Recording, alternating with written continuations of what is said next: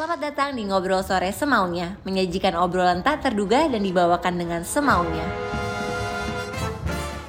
Halo, di episode Ngobrol Sore Semaunya ini spesial banget karena gue hadir bersama Sasa untuk menyajikan obrolan yang menarik dalam rangka menyebarkan energi positif untuk kalian generasi mikir. Dan di sini kita mau mengajak kalian semua untuk terus berkarya, berinovasi dengan kreatif dan berkolaborasi agar kita menjadi generasi mikir yang berkontribusi positif untuk sekitar dan orang lain. Yang paling bikin excited adalah di episode perdana ini Sasa akan mendonasikan 25 juta untuk program penanganan pandemik ke pihak yang nanti akan dipilih narasumber di akhir acara. Jadi yuk sekarang kita ketemu narasumber hari ini.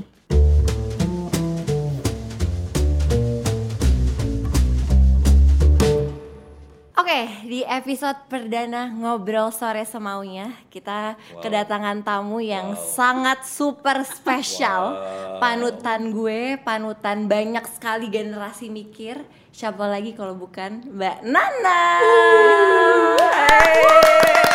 Eh, aku tuh tadi begitu tahu ini edisi perdana langsung pressure gitu. Enggak dong Mbak. Yang paling spesial harus ditaruh di paling pertama, bukan Wih. begitu? Betul. Itu di awal-awal sangat super spesial. Itu kalau martabak telurnya berapa tuh? San? Tergantung. Itu ya. Tergantung. Banyak yang belum tahu juga, gue ditemani sama co-host gue yang super terkenal, Yeay. Yansen Kamto. Ganteng nggak? Ganteng gak Mbak Nana? Ganteng dong. Ganteng. Semua orang ganteng pada waktunya. Betul. Sekarang bu- belum waktu loh. Sekarang belum Cocok waktu tuh loh. posisi gue gitu, Iya, tapi lu nyambung. Jadi kita hari ini bisa ngebully dia ya? Betul. Oke. Ini emang tempatnya untuk ngebully Mas Yansen. Terima kasih silakan. Yang penting saya bisa terus berada di sini buat kalian semua. Walaupun dalam kondisi teraniaya. Mbak Nana, what is your day like di masa new normal ini? Semakin sibuk kah? What is your day like? Oh, aku merasa semakin sibuk sih. Let me start with today ya. Hari Iya. ini itu uh, aku dari mulai jam setengah delapan udah isi webinar. Oke. Jam setengah delapan pagi uh, itu jadi tadi itu webinar aku ngasih kuliah kepemimpinan ke mahasiswa STAN. Oke. Jadi aku uh, bangunnya telat gara-gara tadi malam tuh tidurnya telat gitu karena baru nyiapin materinya juga baru tadi malam. Nana? Tadi malam itu aku tidur mungkin sekitar jam satuan ya. Jam satuan. Jam Itu satuan. telat. Apa? Itu telat. Itu udah telat ya? Uh, tergantung, tapi itu ya lumayan telat sih karena aku tuh biasa spontan selalu bangun pagi. Jadi jam 5 tuh aku biasa selalu kebangun gitu. Oke. Tapi tadi itu mungkin karena udah terlalu capek dan sebagainya, aku telat bangun. Telat bangun. Jadi akhirnya tuh bangun baru jam setengah tujuh langsung buru-buru dan setengah delapan aku webinar. Terus habis itu selesai webinar jam 10 aku lanjut meeting, uh, meeting di narasi jam 10, terus uh, baru kelar jam setengah satu, terus habis itu langsung ke sini gitu. Tapi memang dan habis ini nanti sore ada meeting lagi dan uh, malam tuh juga ada ada dua meeting. Nah aku merasa nih selama kita work from home nih ya, Makin sibuk ya Mbak? makin sibuk Iya, kamu merasa nggak sih? Ngerasa makin sibuk. Dan Karena sekarang meeting-meetingnya jadi- online jadi lebih gampang kan? Oh, kalau dulu kan kita ngatur meeting kita kasih jeda waktu sejam sejam Iya, setengah nggak buat berpindah jeda. tempat. Iya. Ini ini bener-bener antara satu zoom dengan zoom lain sampai kebalik-balik. ini linknya yang mana sih? Udah kebanyakan link zoom gitu. Tapi ya, so to answer the question shortly, lebih sibuk sih. Mbak Nana biasanya tidur berapa jam sehari? Um, Rata-rata. rata-rata ya aku tiduran jam satu gitu ya. Uh, bangun selalu jam jam 5 selalu Wah, kebangun. empat jam? Uh, itu 4 jam ya? Empat Empat jam. Enggak sih, itu oh kalau jam satu yang tadi malam, tapi ya ya biasanya jam 12-an lah, jam 12-an tidur. Hmm. Itu, tapi emang udah karena udah terbiasa ya maksudku. Iya. Itu kan kita bisa karena biasa gitu. Jadi pola-pola walaupun sebetulnya katanya tuh kita minimal 7 jam kan, 7 Put. jam iya, harus 7 Saya jam kita. harus 8 jam. Gitu ya. Dan itu memang yang ideal sih. Aku Iya. pernah baca tuh buku tentang sleep tuh, gimana Betul. sebetulnya gimana kita tidur, how deep we sleep dan gimana kita Itu. mengatur pola Karena itu ngaruh banget nggak sih Mbak ke emosi kita, kulit dan semuanya. Aduh, banget nih. Jangan ngomong kulit dong. Lu tidur 8 Nggak jam harusnya kulit juga, lu mulus. nggak usah langsung di WhatsApp juga gitu loh. Maksudnya apa sih dia? Harusnya lu 8 jam tidur udah mulus muka lo. Iya, tapi kan tidurnya nggak nyenyak. tapi balik lagi benar itu memang mesti deep sleepnya, bukan masalah kayaknya bukan duration deh. Betul. The quality of sleep. Iya. Nggak- nggak- nggak- nggak. fokus di situ aja. Nggak usah terlalu close up di sini. Ayo Mas, lo ada bridging Oh, iya, iya. Oh, nggak? oke, Eh, oke, Mbak, oke. soalnya ini baru pertama dia co-host, jadi Bridgingnya apa? Ayo silakan. Nah, Ngomong-ngomong, ngomong hari ini tuh luar biasa karena jarang-jarang nih saya ketemu dengan dua wanita hebat. Wah. Iya tuh. Dan banana yang hebat. yang dilahirkan dan dibesarkan oleh dua tokoh yang berpengaruh di negeri ini. Nah, jadi saya tuh pengen nanya-nanya. Nah, sebenarnya Tetap loh walaupun bridging panjang pas pertanyaan jadi coba diulang. Mas, Ini dikat apa enggak sih? Apa? Ini dikat apa enggak sih? Enggak, silakan silakan. Gak apa-apa ntar tuh bagian itu diedit aja. Iya, iya. Jadi pertanyaan pertama. Oke. Pertanyaan pertama dari siapa? Dari lu Oh, oke, dari gua. Sebentar ya. Coba kapan sih dan umur berapa sih Mbak Nana mulai berpikir, oh iya nih, kalau saya ini rupanya punya orang tua yang berpengaruh. Kapan ya?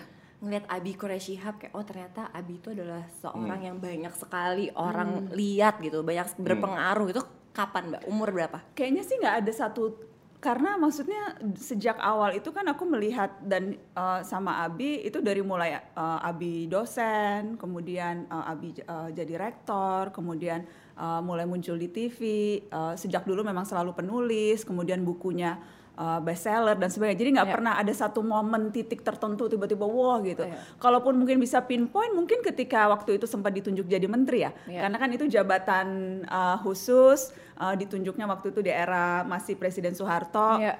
Jadi mungkin itu momen yang oh ini gitu. Itu umur berapa Mbak Nana? Aku waktu itu lulus SMA ya, Lulus SMA. Ah, ah, lulus Waktu SMA. jadi rektor itu belum ada tuh eh, teman-teman yang ngerasa gitu. Itu Oh ya paling anaknya Papanya- ulama, anaknya pendidik. Jadi Iya. paling kalau numpang nanya soal agama lewat aku Hmm. atau minta fatwa gitu nah tanyain bokap lu dong. Ini. Jadi jadi sebatas itu tapi bahwa eh, apa namanya eh, merasa wah anaknya orang ini dan sebagainya itu aku nggak pernah merasa seperti itu sih. Enggak, Mungkin enggak. juga Jadi karena enggak ada tuh kayak pressure atau jadi kayak ada beban atau kayak Enggak sih, enggak. harus mesti gimana beda sama Enggak, karena abinya juga sangat santai, ya Santai. gitu. Dan banyak yang bilang waktu itu aku inget tuh kayak misalnya uh, suamiku Baim atau adik iparku, wah lu menantunya Pak Kures lu dites ngaji ya? gitu. Atau lu disuruh ngaji mulu dites ya, sih, ada hafalan hadis ya gitu. Banyak orang yang nyangka gitu gitu, udah dites enggak? gak Mbak? enggak sama sekali. Maksudnya jauh dari itu. Jadi Abi tuh kalau tahu personalitinya tuh sangat santai relax. Kalau ketemu itu ngobrol-ngobrol.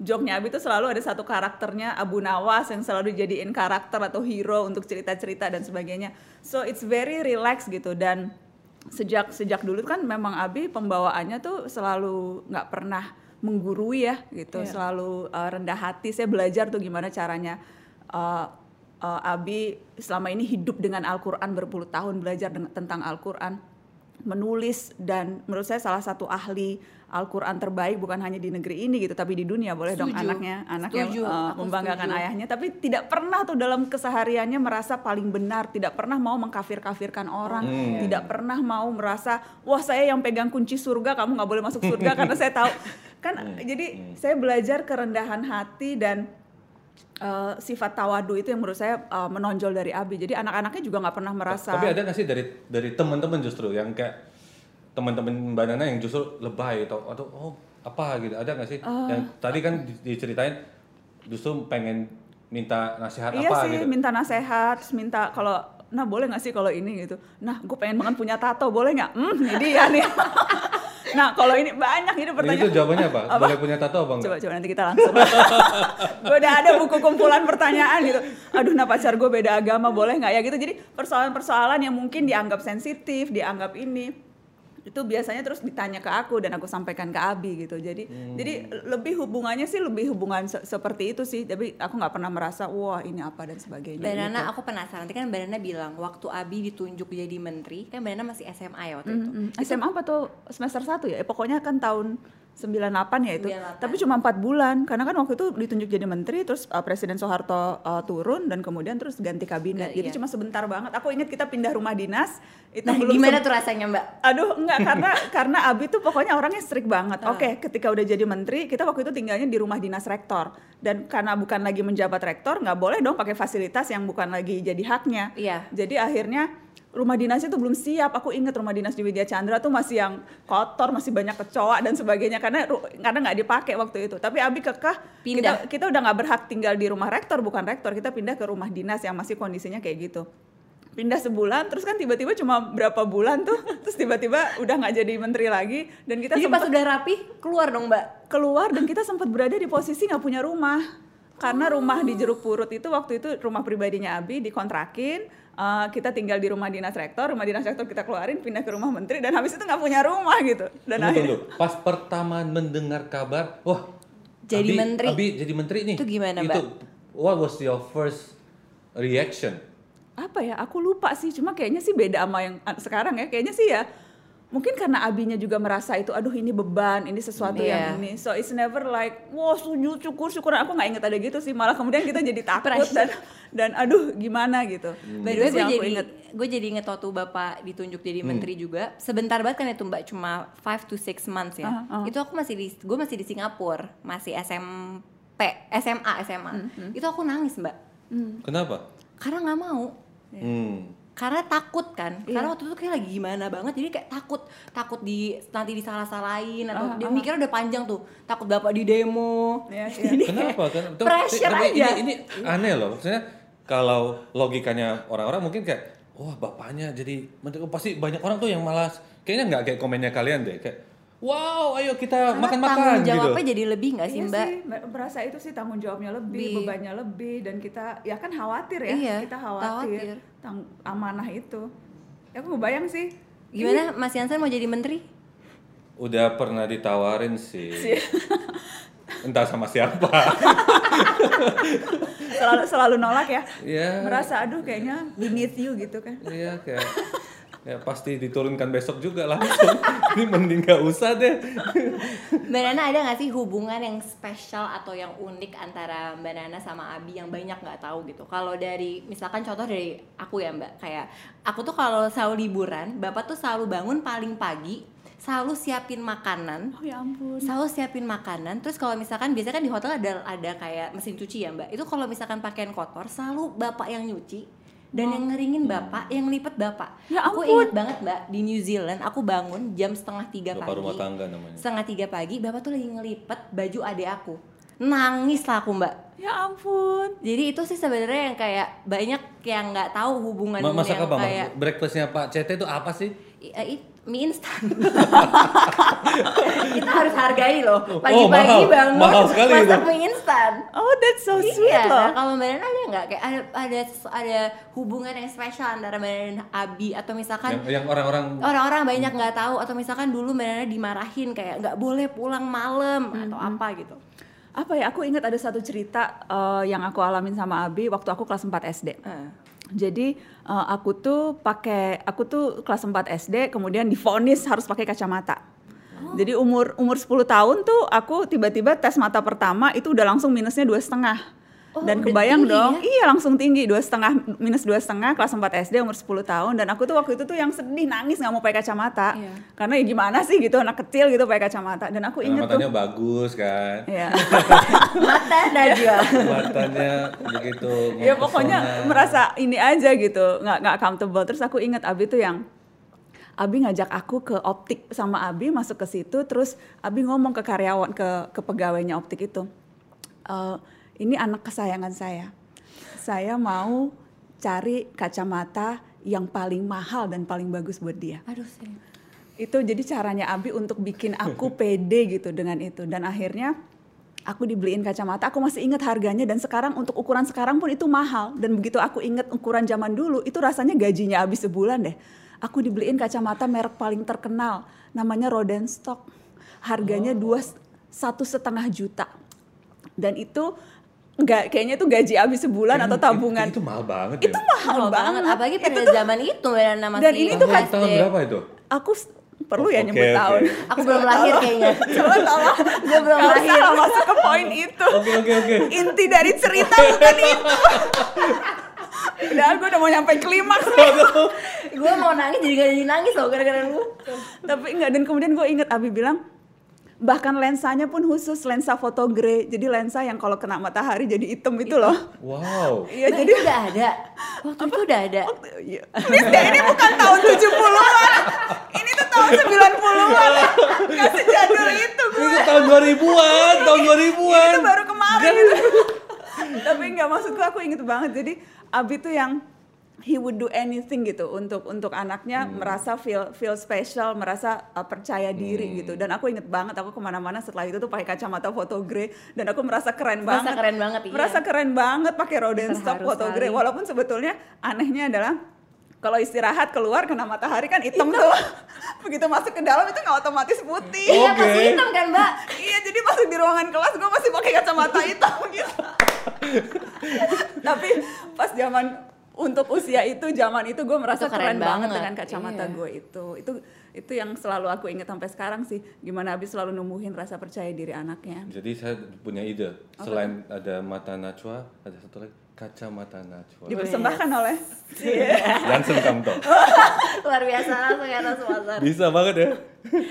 Mbak, kalau the biggest lesson yang Abi Courage pernah uh, atau misalkan uh, Mama Mbak Nana, what's the biggest lesson yang mereka berikan kepada Mbak Nana yang Mbak Nana value itu selalu dipegang sampai sekarang?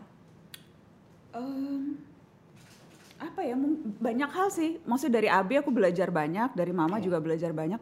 Mama tuh selalu yang nge-push untuk punya mimpi. Oh, Yang itu Mama. Yang nge-push untuk punya ambisi. Yang nge-push nah, bisa kok uh, harus ranking ya Oh, mau jadi ketua osis? Harus bisa jadi ketua osis. Mau bikin ini harus ini ya gitu. Jadi jadi mama tuh yang nge-push drive itu uh, yang nge-push ambisi itu.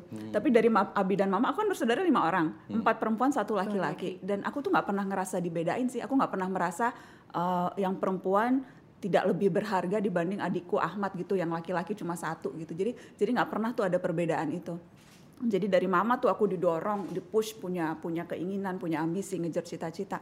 Dari Abi tuh aku belajar eh, ketekunan sih. Aku sampai sekarang tuh dan nggak pernah berubah loh. Abi Kures bangun subuh, selesai sholat pasti duduk di meja kerjanya dengan teh yang diseduh sendiri di samping kanan dengan sarung dan pasti selalu ngetik, nulis. Salah satu penulis paling produktif. Jadi dia sampai sekarang itu masih nulis, masih Hebat baca banget ya. udah udah hampir seratusan buku kali yang yang ditulis dan begitu belum Wah. selesai satu buku selalu ada ide untuk nulis buku yang 100 berikutnya. buku. Jadi ketekunan itu sih ketekunan mau belajar dan nggak pernah merasa mau tahu jadi nggak pernah merasa selalu sok tahu gitu jadi kalau misalnya nanya soal hukum kadang nanyanya ke saya nanya soal politik juga nanya ke saya gitu jadi nggak pernah merasa karena jauh lebih tua jauh lebih senior tahu segalanya gitu jadi selalu mau Hebat. mau jadi pembelajar menurutku itu aku 100 buku.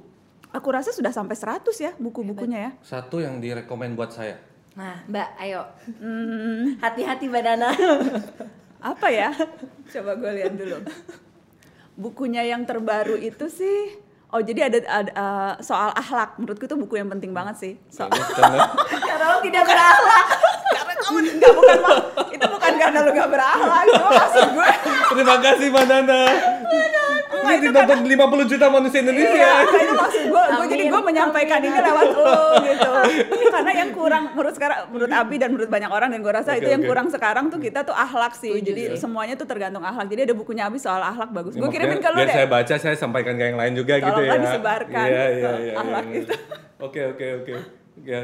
Jadi berikutnya nih kita pengen ngobrol nih kan. Kalian berdua itu buat saya tuh Mulai. wanita yang yang bukan hanya luar biasa pinter, Gombal ya. berkarakter, tapi juga salah satu hal yang menjadi ciri khas kalau saya lihat Putri, saya lihat Banana gitu. Satu hal yang buat saya tuh paling menarik tuh kalian tuh tipikal cewek yang tidak tipikal, yaitu speak up. Luar biasa. Speak up itu loh. Emang tipe ke cewek kayak Iya, gimana? nah, mampus lo. Apa ini stereotip stereotip seperti ini nih? Suka nih. Stereotip seperti ini yang membuat akhirnya ini banyak dari kita. Betul. Gak ada Mbak Nana, Iya gak kan? ada. Bahkan tadi gak ada di situ. Coba tolong dijelaskan menurut lu tipikal perempuan itu seperti Kita apa break dan dulu, kenapa? kita break dulu boleh gak? Nggak, ngomongin speak up nih, ngomongin speak up. Oke, man, banyak juga manusia Indonesia yang nggak nggak speak up. Speak, Iya. speak speak banyak. Speak up itu totally different thing. Ya kan? Jadi Karena menurut gue juga semua itu kan berasal dari didikan orang tua juga kali ya Mbak Nana. Jadi kita jadi karakter kita kan juga terbentuk karena didikan orang tua. Makanya tadi aku setuju banget kayak Mbak Nana banyak ngomongnya soal value-value dari Abi sama Mama. Nah, sebenarnya Mbak apa yang membuat Mbak Nana ingin menjadi orang menjadi pembawa cerita? Kenapa why it is so important for you untuk bisa membawakan cerita yang benar gitu kepada masyarakat? Waktu itu apa sih awalnya Mbak? Em, aku inget tuh, aku baru semalam, eh, kapan sih beberapa hari yang lalu baca baca buku eh, soal ini nih soal speak up. Dan aku inget ada quote-nya Oprah Winfrey yang bagus banget. Mudah-mudahan aku nggak salah. what you get in life is what you have the courage to ask for.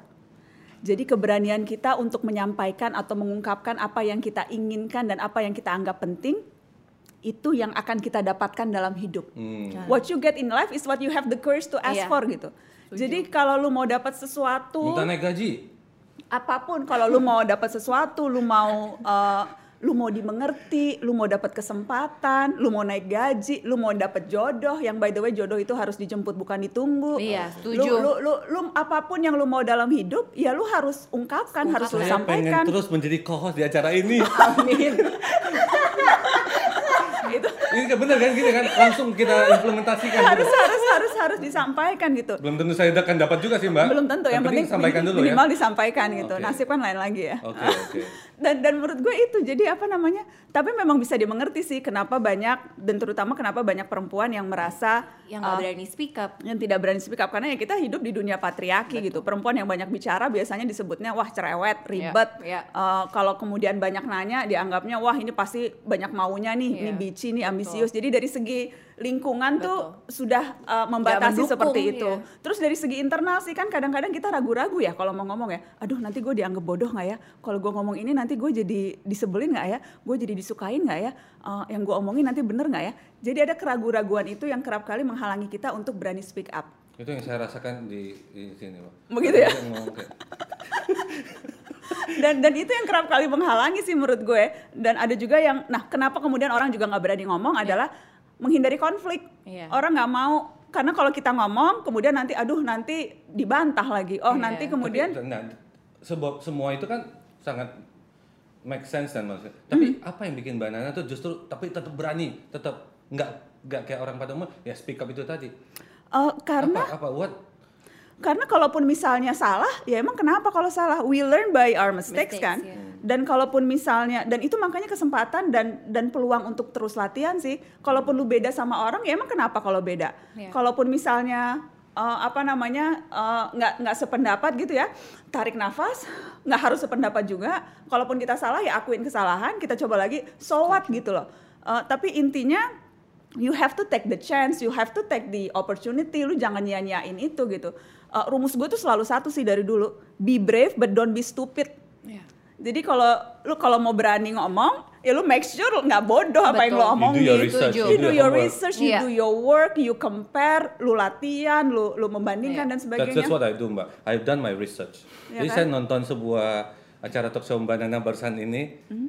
saya tuh baru tahu kalau di, di situ Mbak Nana tuh bilang Mbak Nana tuh Ah. Mbak Nana nggak netral. Tapi Itu bagian gue dan bukan lo yang nonton, gue yang research. Mbak Nana, lu mau ngambil bagian dia Iya. ya? Tuh, itu perempuan yang berani speak up, jangan ngambil jatah gue. tolong saya tetap dikasih kesempatan untuk mem- mem- memper- saya maaf, saya minta maaf, saya memperbaiki diri gitu ya. Ya salah gitu ya. Mbak Nana, gue kan Iya. gue gue seneng banget dengar podcast. Terus gue denger salah satu podcast yang ada Mbak Nananya. Hmm. Terus Mbak Nana tuh ngomong di situ bahwa Mbak Nana tuh nggak netral, tapi Mbak Nana tuh independen dan Hmm. mencoba sekeras tenaga untuk nggak ada kepentingan gitu. Hmm. Tapi Mbak di zaman sekarang gitu ya, dari semua godaan-godaan dan pasti banyak banget tawaran-tawaran untuk Mbak Nana. Gimana caranya Mbak Nana tetap independen gitu? Apa yang apa core value yang Mbak Nana pegang terus biar Mbak Nana terus independen? eh kalau di posisi sekarang tuh memang rasanya kayak eh, bujuk rayu, tawaran, eh, serangan itu kurang lebih sama sih efeknya. Eh, efeknya tuh pasti ingin mempengaruhi eh, supaya mengubah sikap atau mengambil tindakan yang sesuai yang diinginkan oleh Inginkan, siapa pun iya. yang memberikan bujuk rayu, tawaran, serangan, fitnahan, kritikan itu gitu. Jadi posisinya tuh kurang lebih sama. Dan memang ukurannya akhirnya kembali ke apa yang dirasa benar. Dan menurutku itu sesuatu yang harus terus diasah sih. Iya, betul. Eh, Bisa aja kan yang kita rasa benar, jangan-jangan belum tentu benar gitu. iya, jadi hati itu perlu terus diasah gitu. Sorry. Dan eh, karenanya penting juga untuk surround yourself with the right tribe. Hmm. Nah, I agree. Iya kan, Bener. maksudnya let's let's form our own barisan gitu, tribe yang bisa selalu selalu mengingatkan gitu dan bisa selalu jadi sounding board kita. Berbagai keputusan penting yang aku ambil gitu, ke, ke- keputusan ketika uh, mendirikan perusahaan sendiri, keputusan uh, ketika misalnya memutuskan untuk tetap di di uh, profesi media dan bukan terjun ke profesi yang lain gitu dan lain-lain. Itu selalu lewat proses di mana aku sounding boardnya banyak sama Baim suami, sama sama Abi gitu, sama teman-teman terdekat gitu. So it's very important to surround yourself dengan orang-orang yang yang memang juga will help you and guide you gitu ke ke uh, apa namanya kalau lu berada di persimpangan-persimpangan itu sih menurutku. Mbak pernah nggak tapi sedikit kepikiran pingin deh masuk politik pernah nggak Mbak? Ada satu masa kayak gue kayaknya harus terjun deh untuk bisa bikin ad- maksudnya perubahan gitu. yang lebih besar. Iya harus Apalagi jump, harus kan pasti ada kan iya tawaran, harus kadang- jump, kadang harus tawaran- jump in nih gitu. Pernah Tawaran Mbak yang Nana? bikin gamang.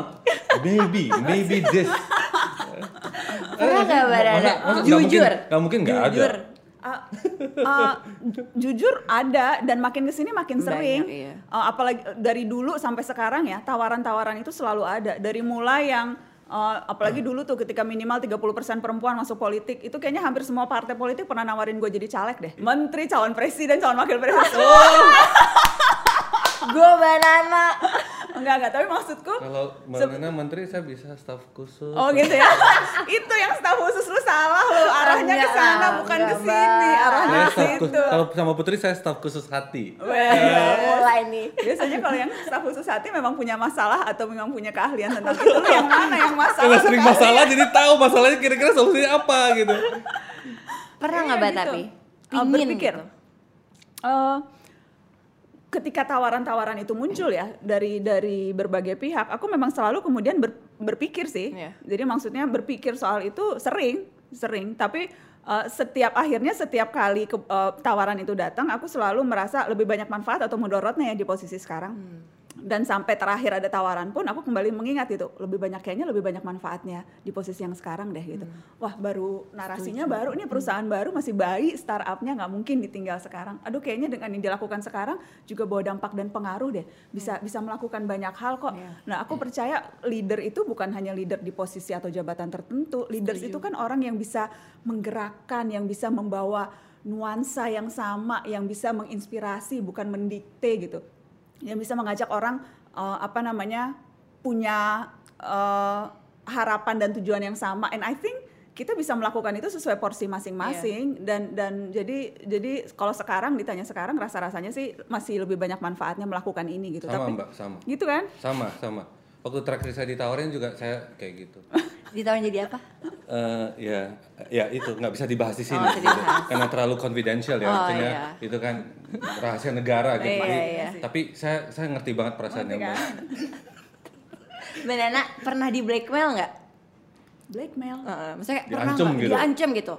Oh. Eh, Kayak gimana Mas? Atau dilempar apa di rumahnya atau Di- atau di- atau dapat WhatsApp ini anaknya Oh iya mau sering diculik kalau gitu. itu. Oh enggak, tapi enggak eh, bukan ini ya, tapi maksudnya sering gitu. Oh, Maksudnya- sering, Mbak? Iya, kayak eh, yang terakhir kemarin tuh yang pas kita lagi kenceng-kencengnya soal mafia bola. Itu agak beda tuh mafianya dibanding mafia politik. Hmm. Waduh. Mungkin karena lebih beragam ya. Lebih maksudnya eh, nggak hanya spesifik gitu ya. Jadi Gimana Mbak ceritanya?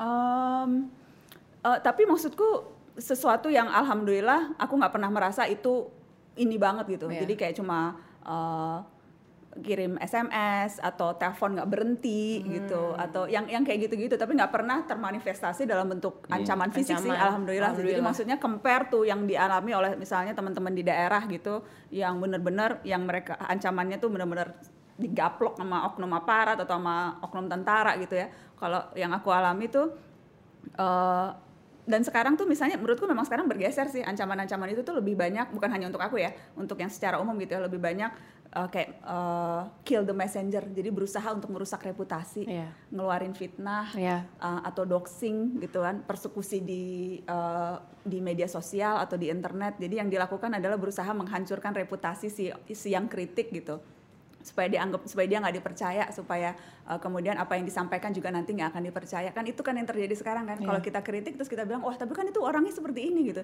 Jadi seolah-olah ingin menghancurkan reputasi. Jadi itu tuh metode-metode menurutku yang sekarang yang sekarang terjadi sih ke ke orang-orang yang speak up. Mbak ngomongin soal speak up lagi ya, kan sekarang banyak banget generasi mikir anak-anak muda bahkan generasi Z gitu ya, yang mencoba untuk speak up di social media, menjadi dirinya sendiri dan segala macam. Tapi kan banyak sekali cyberbullying, kayak banyak banget yang komen macem-macem dan segala macam. Ngomong kadang-kadang saya nggak pantas sama Putri Tanjung. Itu fakta sih itu. Terima kasih Mbak Nana. Dan itu kan kadang-kadang suka ini ya Mbak, maksudnya itu drain our kayak kita jadi Energy. insecure, kita jadi mental kita juga jadi terpengaruhi gitu dan dan menurut aku semua orang pernah merasakan lah gitu. Mbak Nana pernah nggak sih merasakan yang kita kita nih rasakan? Terus kayak how do you deal with it gitu sih Mbak sebenarnya? Em, Sering sih, maksudku eh, kalau baca komen-komenku tuh ya, itu banyak banget Ah gitu. tapi Mbak Nana semua komennya baik-baik ah. Oh, kamu belum tahu aja. Eh, Saya juga ngerasa gitu loh. Iya, kayaknya baik-baik. Bagus deh. Oh enggak, maksudku variatif nggak mungkin gitu. Coba kalau kalau di trace banyak gitu komen yang macam-macam. Apalagi kalau misalnya aku udah ngasih statement yang yang keras terhadap satu isu gitu ya. Hmm. Kayak misalnya eh, kemarin tuh yang ketika aku bikin surat untuk tuan puan DPR, Iya. itu tuh eh, backlashnya juga keras tuh, terutama dari para politisi yang backlash. Kalau dari netizen, dari eh, publik Banyak secara umum sih, eh, aku nggak mendapatkan backlash itu. Iya. Tapi dari yang lain-lain tuh eh, aku merasakan gitu backlash atau eh, eh, para pendengung-pendengung atau Ada tuh buzzer-buzzer. politisi yang juga komen di sosmed tuh ada juga tuh. Enggak, Eh, enggak kan? Ya minimal eh, proksi-proksinya ya, Oh. orang-orangnya dan sebagainya gitu. Jadi itu itu dirasa. Terus kemudian eh, sekarang nih kita lagi menghadapi infodemic. Jadi kalau kita kampanye soal pakai masker atau kita kampanye soal protokol kesehatan, pasti ada aja tuh orang-orang yang yang eh, penganut teori konspirasi Aduh yang itu kemudian gue nggak pernah yang, ngerti deh. yang yang kemudian berusaha untuk menyampaikan komennya dan sebagainya. Eh, jadi eh, itu banyak. Tapi how do you deal How with- do you deal with it Mbak? Uh, kata Rumi, the art of knowing is knowing what to ignore. Hmm. Tapi kan Mbak untuk sampai ke titik itu prosesnya maksudnya butuh jam terbang gitu loh Mbak. Karena banyak banget yang emang nggak siap mental gitu. Nah menurut Mbak Najwa kayak untuk anak-anak yang masih muda gitu ya, yang nonton juga kayak how do we deal with it gitu ya. Kayak Karena pertama Karena nge-ignore itu nggak sesimpel ya udahlah biarin Iya. aja gitu. Kayak orang bilang, Yansen nggak pantas buat putri, tapi saya tetap merasa pantas. terus loh Mbak ini. dia selalu contoh kasusnya itu ya. Biar Gue biar rasa, bikin gue rasa itu memang his deepest ini deh. Deep down inside gitu. Makanya. A- Apa ya, menurut gue yang pertama lu nggak mungkin nyenengin semua orang. Iya. Gila aja lu mau nyenengin semua orang gitu kan. Terus yang kedua memang, jadi jadi yang yang perlu lu lakukan adalah eh, lu cek orang-orang sekitar lu gimana, orang-orang yang care sama lu gimana gitu. Hmm. Kayak misalnya aku tuh eh, jadi muncul di di di televisi gitu kemudian dikenal orang itu tuh udah ya karena aku udah jadi jadi muncul di TV udah sejak 20 tahun dan aku belajar tuh untuk bisa membedakan mana yang memang kritik mana yang memang cuma mau memicu intrik aja Iya. gitu mana yang memang pure ngasih masukan mana yang tujuannya untuk menyakitkan dan Iya. menjatuhkan Iya. gitu tapi itu itu I learned that over the course of 20 years gue berada di depan uh, di balik di depan TV dan kemudian dinilai kanan kiri karena kan profesiku tuh kan memang akhirnya membuat orang merasa dengan gampang bisa ngejudge gitu cuma ngelihat seminggu sekali di mata Najwa ketika gue lagi bete sama politisi dianggapnya gue orangnya betean gitu Nih. ketika gue lagi galak banget ya sama Setia Novanto aduh pasti Baim suaminya kesian banget ya digalakin tiap malam gitu maksudnya people jump to conclusion based on what they see uh, Once a week. once a week atau cuma kayak misalnya selintas gitu dan Iya. sebagainya dan tapi ya itu over the 20 years kita tuh kemudian tahu gitu apa yang terjadi di dunia maya it has nothing to do dengan apa yang terjadi Real di life. kehidupan kita sehari-hari kok and we learn to separate that gitu Iya. dan Tapi sejujurnya kadang-kadang gue juga suka bingung sih Mbak. Kita misalkan kayak misalkan Mbak Najwa gitu ya. Kalau misalkan ma- misalkan marah atau emosi sama satu satu kasus gitu, habis itu dibilang kayak perempuan harusnya nggak boleh kayak gitu. Ya nggak nggak boleh marah dong. Terus kalau misalkan kayak laki-laki yang speak up itu normal Tegas, aja, mar- tegas. itu tegas gitu. Jadi emang kayak double standard kan double standard. Mm-mm, double selalu double standard itu makanya kita hidup di dunia yang yang memang seperti itu Yansen Nggak, karena ya makanya bang, aku seneng banget ya misalnya uh, Putri gitu kita punya punya punya temen untuk perempuan untuk saling ngedukung karena menurutku memang kuncinya di situ ya Iya. sih? Saya juga Betul. mendukung perempuan kok. Jadi jangan hanya putri mbak, maksudnya mbak. Maksudnya saya juga mendukung. Saya senang sama mbak Nana. Saya akan selalu mendukung. Saya selalu nonton kok Iya. di di YouTube-nya. Emang benar. Tapi tapi kayak dengan semua ini harus selalu speak up, harus selalu punya eh, say gitu ya. Ada nggak sih momen-momen yang kayak, aduh capek gitu, aduh kayak dengan semua kadang Iya. fitnahan, Iya. kritikan yang kadang kita dibilang ini dan itu dijudge pasti kan sebagai manusia ya. Iya. Itu momen-momen itu ada nggak? ada dan maksudnya uh, capek aduh capek banget sih Iya. ngapain sih gue ngurusin isu ini gitu Iya. perasaan baru kemarin nih kita ngebelain KPK sekarang KPK-nya malah Begini. kayak gini lagi aduh kita kencang-kencang ngomongin ini ternyata kayak gini kayak merasa yang isunya berulang orangnya juga kadang orang yang sama gitu maksudnya ya rasa lelah itu ada sih Dan dan kalau udah kayak gitu berasa gimana? Pengen, aduh udahlah capek, pengen udahan aja. Bikin startup aja deh sama Jansen gitu. Bikin artificial intelligence gitu misalnya. Aduh ini kayak hopeless nih kayak gitu. Ada nggak sih momen yang super down kayak and how do you actually get back?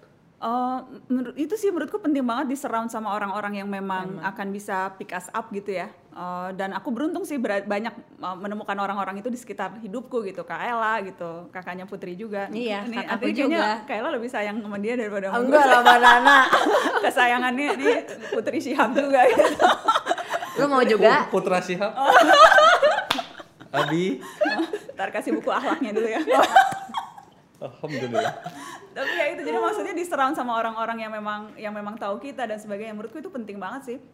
Orang tuh sering underestimate sih Iya. convert zone, convert gimana kita bisa dapat convert dari orang-orang support system sekitar. berarti ya? Support system tuh nomor satu sih. Aku merasa kalau aku nggak akan bisa survive nih bertahun-tahun ngurusin banyak isu dan ngadepin banyak banyak banyak orang dengan beragam keanehannya gitu kalau nggak karena Baim gitu, karena Abi, karena Mama, karena Kak Ella dan sebagainya dan karena teman-teman deketku gitu sih. Keluarga, teman tadi ada mentor gitu sama Iya, menurutku itu penting banget sih. Kalau jadi kalau belum kalau merasa belum dapet tuh create your own cari dari sekarang gitu and hold on to them tight kalau lu udah nemu. Tapi nggak gitu. gampang nggak sih Put kalau mau nyari support system gitu ya, apalagi Iya. anak-anak yang masih istilahnya generasi mikir yang masih Gen Z gimana untuk nyari kalau Putri sendiri gimana tuh untuk nyari Wes, support lo- system?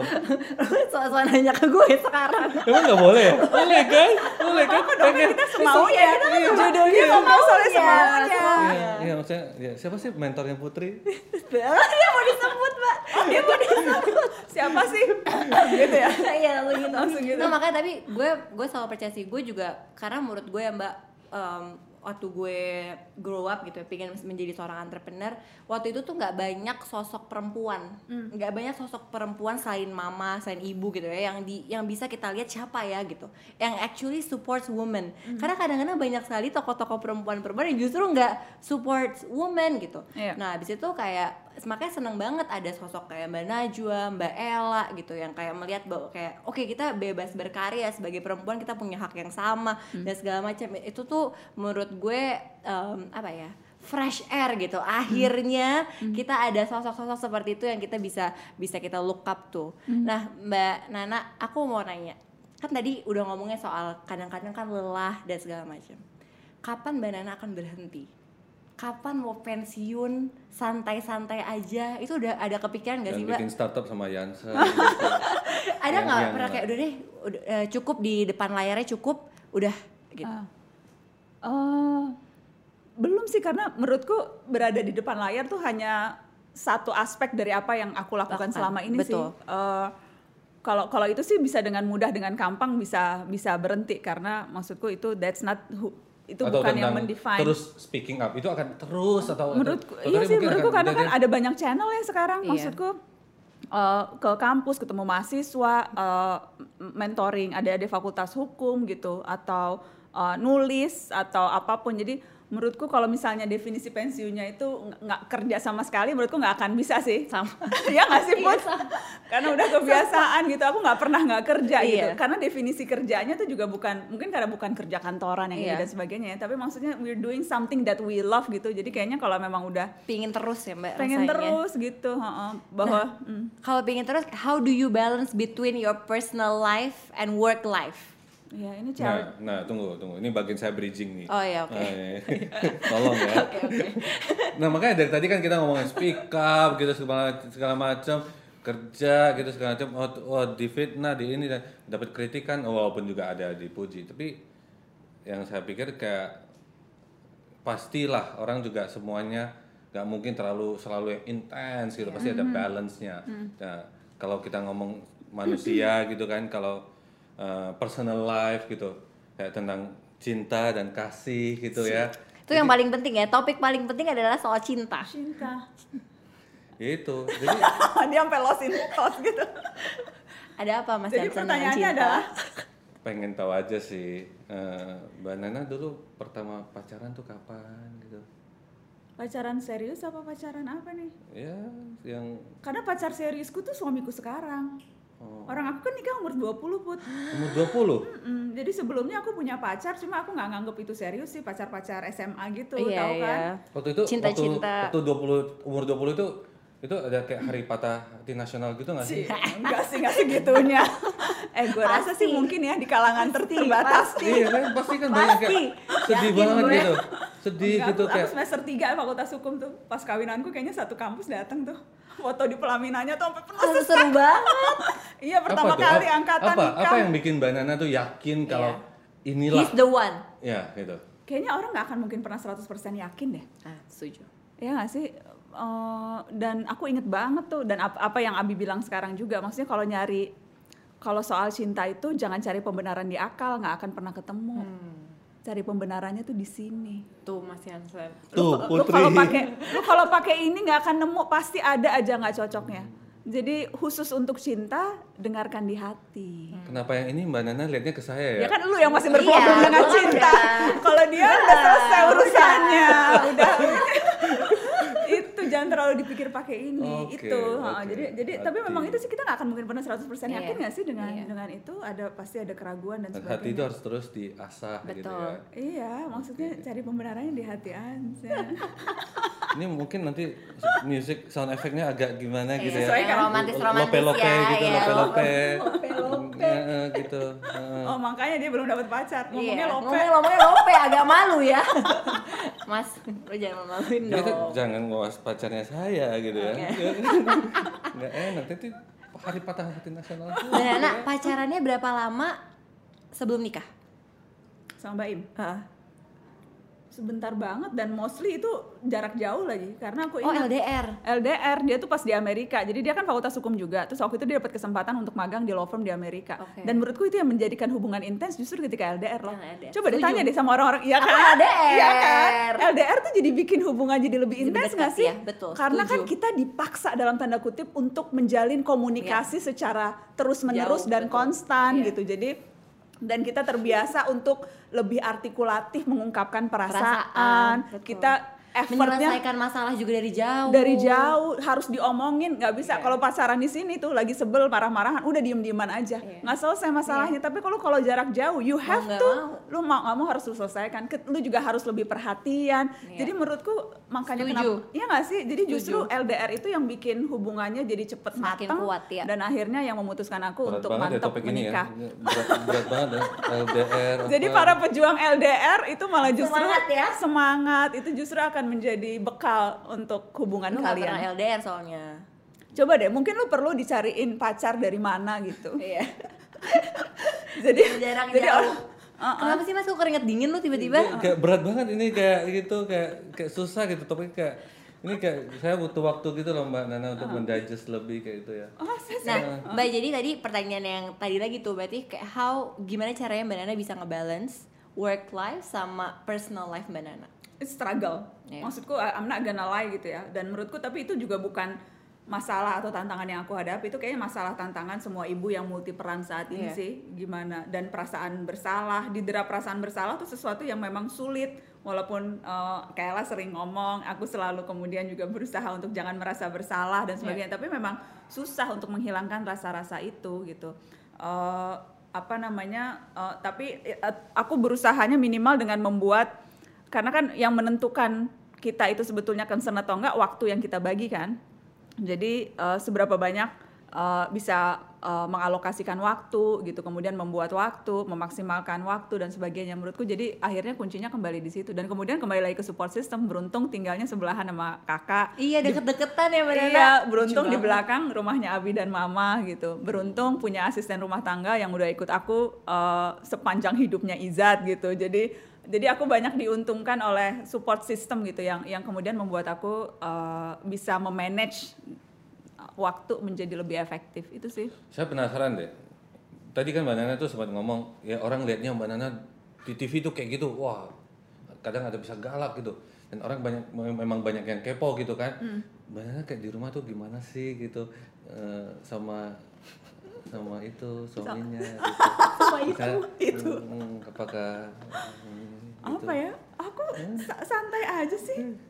nggak pernah maksudnya karena mungkin karena nikahnya udah lama ya. Jadi aku tuh udah Berapa lama Mbak sekarang? Aku tahun 97. Sekarang tahun eh, berarti udah 20 berapa tahun tuh? Tiga. 20. 23. Aku Aku hampir seumur aku. Aku lahir 96. Aku Ya kan, juga aku- aku, juga aku nikah itu. aku nikah tahun 97 97. jadi udah 23 tahun jadi maksudku hubungan kita tuh memang udah ngelewatin ups and down yang panjang banget sih dan dia tahu aku ketik dari mulai aku ya masih kuliah kemudian masuk uh, jadi reporter culun sampai mulai dikenal orang sampai sekarang dia sebel kalau pergi selalu uh, Banana, Iya, banana. maksudnya jadi jadi dia melewati semua tahapan itu gitu bersamaku. Apa yang orang-orang awam tidak tahu Mbak Nana di rumah tuh kayak apa satu hal yang rupanya Banana masak misalkan. atau jago aku nggak bisa masak pun, yang jago masak tuh Baim malah. jago ngelawak gitu. Heeh. Bisa- nah. Ah, apa ya? Eh, enggak sih, maksudnya aku tuh kalau udah di rumah tuh santai banget sih. Dasteran, terus eh, ngemil, coklat gitu, terus ya santai-santai aja sekarang nih sampai selama work from home aku tuh lagi ikut itu tuh eh, challenge yang two weeks challenge-nya clothing. Kamu tau gak sih yang? Aduh mbak. Kamu ikut itu nggak? Enggak. Itu seru banget tau. Karena kan aku nggak bisa nge-gym. Jadi Aku sekarang nggak kuat mbak. Eh masa sih itu cuma 13 menit tau Put? Dan itu tuh kayak keringetan banget. Eh, itu beda topik ya. Maaf ya. Dia langsung in Tapi awalnya bi- langsung enak gak badan mbak? Em, Apa namanya? Sakit-sakit deh Kan- pasti. jadi Itu- tuh aku ikut YouTube yang Chloe itu loh, Chloe Thing namanya. Itu tuh dia punya kayak serangkaian exercise gym gitu. Tapi bisa untuk- dilakuin di rumah. bisa dilakuin di rumah. Oke, Jadi itu dua minggu. Uh, dua minggu, eh itu kayaknya cocok banget ya ikut itu. Tapi ya itu maksudnya, maksudnya kembali ke keseharianku tuh itu jadi Kenapa ya, cocok buat saya Mbak? ya supaya sehat kan. Oke, oke. Saya kurang sehat ya. Karena badan yang sehat. Nah ngomongin soal personal life, nih gue mencoba bridging nih. Tadi gue ngomongin soal personal life, ada curhatan mbak dari em, teman ngobrol sore semaunya. Mungkin Mas Elsen mau bacain. Ini saya masih nyambung nih sama yang tadi Mbak Nana udah ngomongin. Tapi sebelumnya kayaknya boleh nggak ada nanya satu lagi ke Mbak Nana? Dulu tuh masih- gak, lu gak masih- kompak sih sama gue. Masih ada di sini tapi HP soalnya. gue, ini gue mati. Oke, Eh, nah. Mbak Nana kan menikah, sudah menikah, sudah menikah lama, sudah been through a lot of things gitu. Saya tuh pengen gitu Mbak Nana kasih nasihat ke sahabat saya ini Putri Tanjung yang mungkin itu mau menikah dalam waktu dekat gitu dan dan buat semua Amin. pasangan di luar sana yang Amin. lagi merencanakan pernikahan gitu ya. apa Eh, apa sih na- pesannya, nasihatnya? Untuk apa? Untuk yang mau nikah Ya, atau untuk yang yang mau nikah, Untuk yang mau nikah. untuk yang mau nikah. Um, is- ya pertama it's not going to be easy gitu. Maksudnya you have to work on your marriage gitu. Menurutku orang kemudian merasa uh, mungkin terkadang ada yang salah sangka dipikir dengan menikah uh, masalah-masalah yang ada pada saat pacaran ada. akan selesai gitu.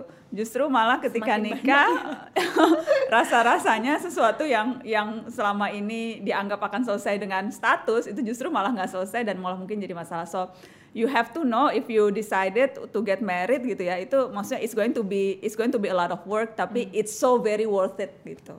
Jadi eh, jangan bukannya meng- meng- nggak mau Jangan cuma mikir indahnya doang ya. tapi Iya juga iya work iya on- tapi once you conquer that once lu bisa nyelesain masalah-masalah itu it's so worth it gitu menurutku jadi tapi it's it's you have to work on it you have to work on your marriage yang gitu lebih sih. spesifik lagi buat putri, seorang putri Tanjung. Kenapa emang dia butuh lu, lu jangan mencerminkan Iya atau mengalihkan Bener. itu dong. Kalau dia mah udah kalau udah nemu pasangannya insya Allah asal udah Amin. mantep. Amin. Ini buat pasangannya calon pasangannya putri. Eh ntar lu jadi mau nikah nggak ada abis setelah denger Mbak Nana ngomong gitu saya lo baca jadi dulu tergerak. saya baca dulu buku akhlak itu. Iya benar. Abis itu baru ya. ya generasi mikir gitu yang punya akhlak gitu. Oke. gitu. Mas Oke. Jadi jadi kita tuh di di ngobrol semau semaunya ini sore semaunya ngobrol sore semaunya. ngobrol sore semaunya kita selalu membacakan kan ada jutaan yang DM yang masuk, email yang masuk Luar gitu. Jutaan dikurang 900 ribu. Mereka curhat. Jadi kita mau bacain dan dan kali ini pengen minta pendapatnya Mbak Nana. Putri Mbak juga boleh, iya Putri juga boleh. Mas Yaset juga boleh. Oh oke, ini bukan ini curhatan se- seorang cewek yang sedang bingung. Nah, jadi eh, halo Mbak, sebut saja aku Mawar ya. Aku kerja di salah satu startup e-commerce. Hmm. Jadi jujur aja sekarang itu aku sedang menjalin hubungan dengan pacarku hampir masuk 2 tahun. Nah, sejauh ini konflik yang paling sering terjadi itu adalah keluhan dari cowokku yang merasa dia itu posisinya dalam segala aspek tidak imbang denganku. Dengan kata lain, aku sebagai cewek itu lebih unggul. Nah, dia sempat jujur sama aku kalau dia sebenarnya tidak nyaman ada di posisi kayak gini karena ya jadinya tekanannya ya ke, ke dia dan gak enak dilihat orang dari luar gitu dan bahkan sempat minta akunya tuh ngerem dikit gitu nah atas semua keambision keambisiusannya aku mengejar hal-hal yang aku ingin raih dengan alasan supaya dianya bisa kejar aku dulu dan at least bisa ngimbangin. Nah, aku tadi itu seorang yang pekerja keras. Aku di sini sering banget juga membantu dia dalam segala aspek demi mendorong dia maju. Nah, aku dengan senang hati membantunya dalam pekerjaannya semaksimal mungkin eh, supaya dia juga dilihat stand out oleh lingkungannya. Tapi dia nggak suka. Nah, aku jadi benar-benar serba salah. Harus gimana ya menyikapi hubungan yang seperti ini? Karena kalau untuk berhenti melangkah dan berambisi tidak mungkin juga. Tapi ya gimana cara ngobrol yang benar dan treatment yang tepat terhadap hubungan seperti ini. Thank you. Have a nice day. Silahkan Mbak Nana. Apa ya kalau baca dari itu sih I don't think he's the right man for her ya. I agree. He's, he's not the right man for her gitu. Kalau misalnya lu harus uh, Ngerem. ngerem, lu harus apa Ngimbangin, namanya ngimbangin dan sebagainya. Karena justru pasangan itu kan saling mengisinya itu juga justru dengan membuat yang lain bisa berkembang maksimal. Kalau saling dan yang dia lakukan kan misalnya itu kan dia berusaha membantu pasangannya supaya juga menemukan kepercayaan diri dan sebagainya. Iya. Dan seharusnya dia berhak, dia layak juga untuk dapat hal yang sama, untuk dapat reassurance dari pasangannya. Tapi kalau yang dia dapat justru bukan reassurance tapi membuat dia malah jadi nggak percaya diri. So I don't think that's a really good match gitu. And he she really should be uh, apa namanya melihat gitu apa yang menurut dia penting dalam hidup dan apakah pasangan itu yang bukan hanya akan jadi pasangan dia ya. Hmm. Maksudnya kalau milih calon partner itu kan juga apakah dia a- akan jadi ayah yang tepat untuk Iya, anak-anak betul. saya gitu. Jadi jadi harus dilihatnya secara komplit gitu. Dan kalau memang menurut dia itu kualitas yang harusnya ada di laki-laki yang menemani dia dan jadi bapak dari anak-anaknya, then dia harus nyari yang itu. Harus nyari orang yang bisa saling ngisi bukan malah bukan malah menjatuhkan dia. That's Setuju. Setuju, udah, udah bagus yang aku sama Mbak Ngomong langsung Apanya? ke cowoknya. Ya kalau cara komunikasi mah terserah gimana kan tadi nanyanya kan buat Harus tegas. Ah, ya tergantung. Speak up, speak up. Enggak, dan aku paham sih terkadang lebih gampang diomongin. Of course gue sekarang sekarang gampang ngomong gitu, tapi kalau lu udah terlanjur susah, sayang, iya. lu udah terlanjur cinta, lu udah ter terkadang tuh orang bukan cuma terlanjur cinta loh. Lu merasa aduh gue udah invest waktu 2 tahun nih. Ya kan gue udah dua tahun nih pacaran sama nih orang. Masa terus sia-sia putus gue harus memulai sesuatu yang baru? Kadang kan orang bertahan dalam hubungan alasan-alasan Iya, yang iya. yang seperti itu gitu. Iya. jadi menurutku memang eh, nggak semudah dari apa yang aku ucapkan nggak semudah dari apa yang bisa kita baca atau kita eh, ini kan. Tapi ya prinsipnya sih seperti itu. Cari pasangan yang yang justru akan bisa membuat kamu berkembang jangan malah justru menutup potensi Ya, kamu. ya, itu saya sih. setuju banget dan Setuju sebagai banget. seorang cewek kan juga, juga tetap harus ya speak up, tegas dan juga memang harus punya value ya. Iya. Dan dan kalau cowoknya gitu buat saya cowoknya insecure banget sih, please deh. Nggak, Dan itu sih menurut gue juga kita sebagai mik- iya, mikir kita sebagai perempuan juga harus kayak kita harus tahu value kita juga. Jadi kita juga harus bisa kita itu lagi-lagi speak up dan harus tahu kita value kita apa gitu. dan, dan cowok kayak gitu Bye bye. bye bye Kita- Lo gak kayak gitu kan mas?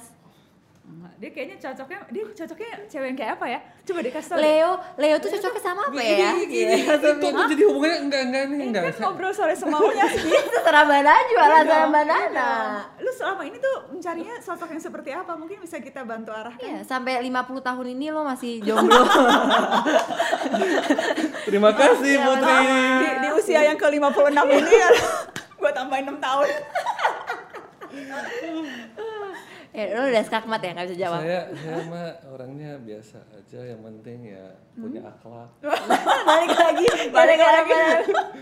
Mbak, oke last question. Ada pesan-pesan nggak untuk generasi mikir, untuk anak-anak muda, gimana caranya biar kita bisa pertama tahu value kita, yang kedua berani untuk speak up. Em, menurutku eh, satu hal sih ya, maksudnya kita tuh kerap kali nggak reflektif gitu. Kita tuh kerap kali kalau melakukan sesuatu, kita eh, kemudian ternyata nggak berhasil, kita kerap kali menyia-nyiakan kegagalan. Padahal justru penting banget tuh kita kalau melakukan sesuatu terus belum nyampe gitu atau ada ada target terus belum dapet untuk kita berhenti kita eh, eh, merefleksikan diri gitu ya ngelihat apa sih yang kita miss uh, kenapa ini bisa miss dan sebagainya sebelum kita kemudian maju lagi gitu. Jadi jadi generasi mikir itu menurutku juga generasi yang tahu uh, kapan waktunya untuk betul-betul melihat dari dalam diri sendiri sih untuk Penting. untuk uh, tahu kekurangannya di mana, potensinya di mana gitu. Jadi kadang tuh kita sering melewatkan kesempatan itu tuh. Oh ya udah gagal, kalau gagal terus ya udah uh, buk- uh, ya udah gitu, so what gitu. Padahal harusnya kalau gagal ya now what gitu. Kan istilahnya kan Ya, harusnya gitu. apa, iya, iya. how to improve dari iya, situ Kak. gitu ya. Iya, jadi jadi penting tuh punya punya uh, skill kita untuk terus reflektif gitu, untuk untuk memandang ke dalam gitu. Apa sih yang yang kita memang kurang lakukan dan sebagainya. Menurutku it- itu satu hal sih yang bisa di, jadi pegangan. Thank you so much Mbak Nana. Sama-sama. Mbak Nana by the way, di episode perdana ini spesial juga karena kita kolaborasi sama Sasa dan di episode kali ini Sasa ingin mendonasikan 25 juta kepada pihak yang dipilih Mbak, Na- Mbak Nana untuk membantu COVID-19.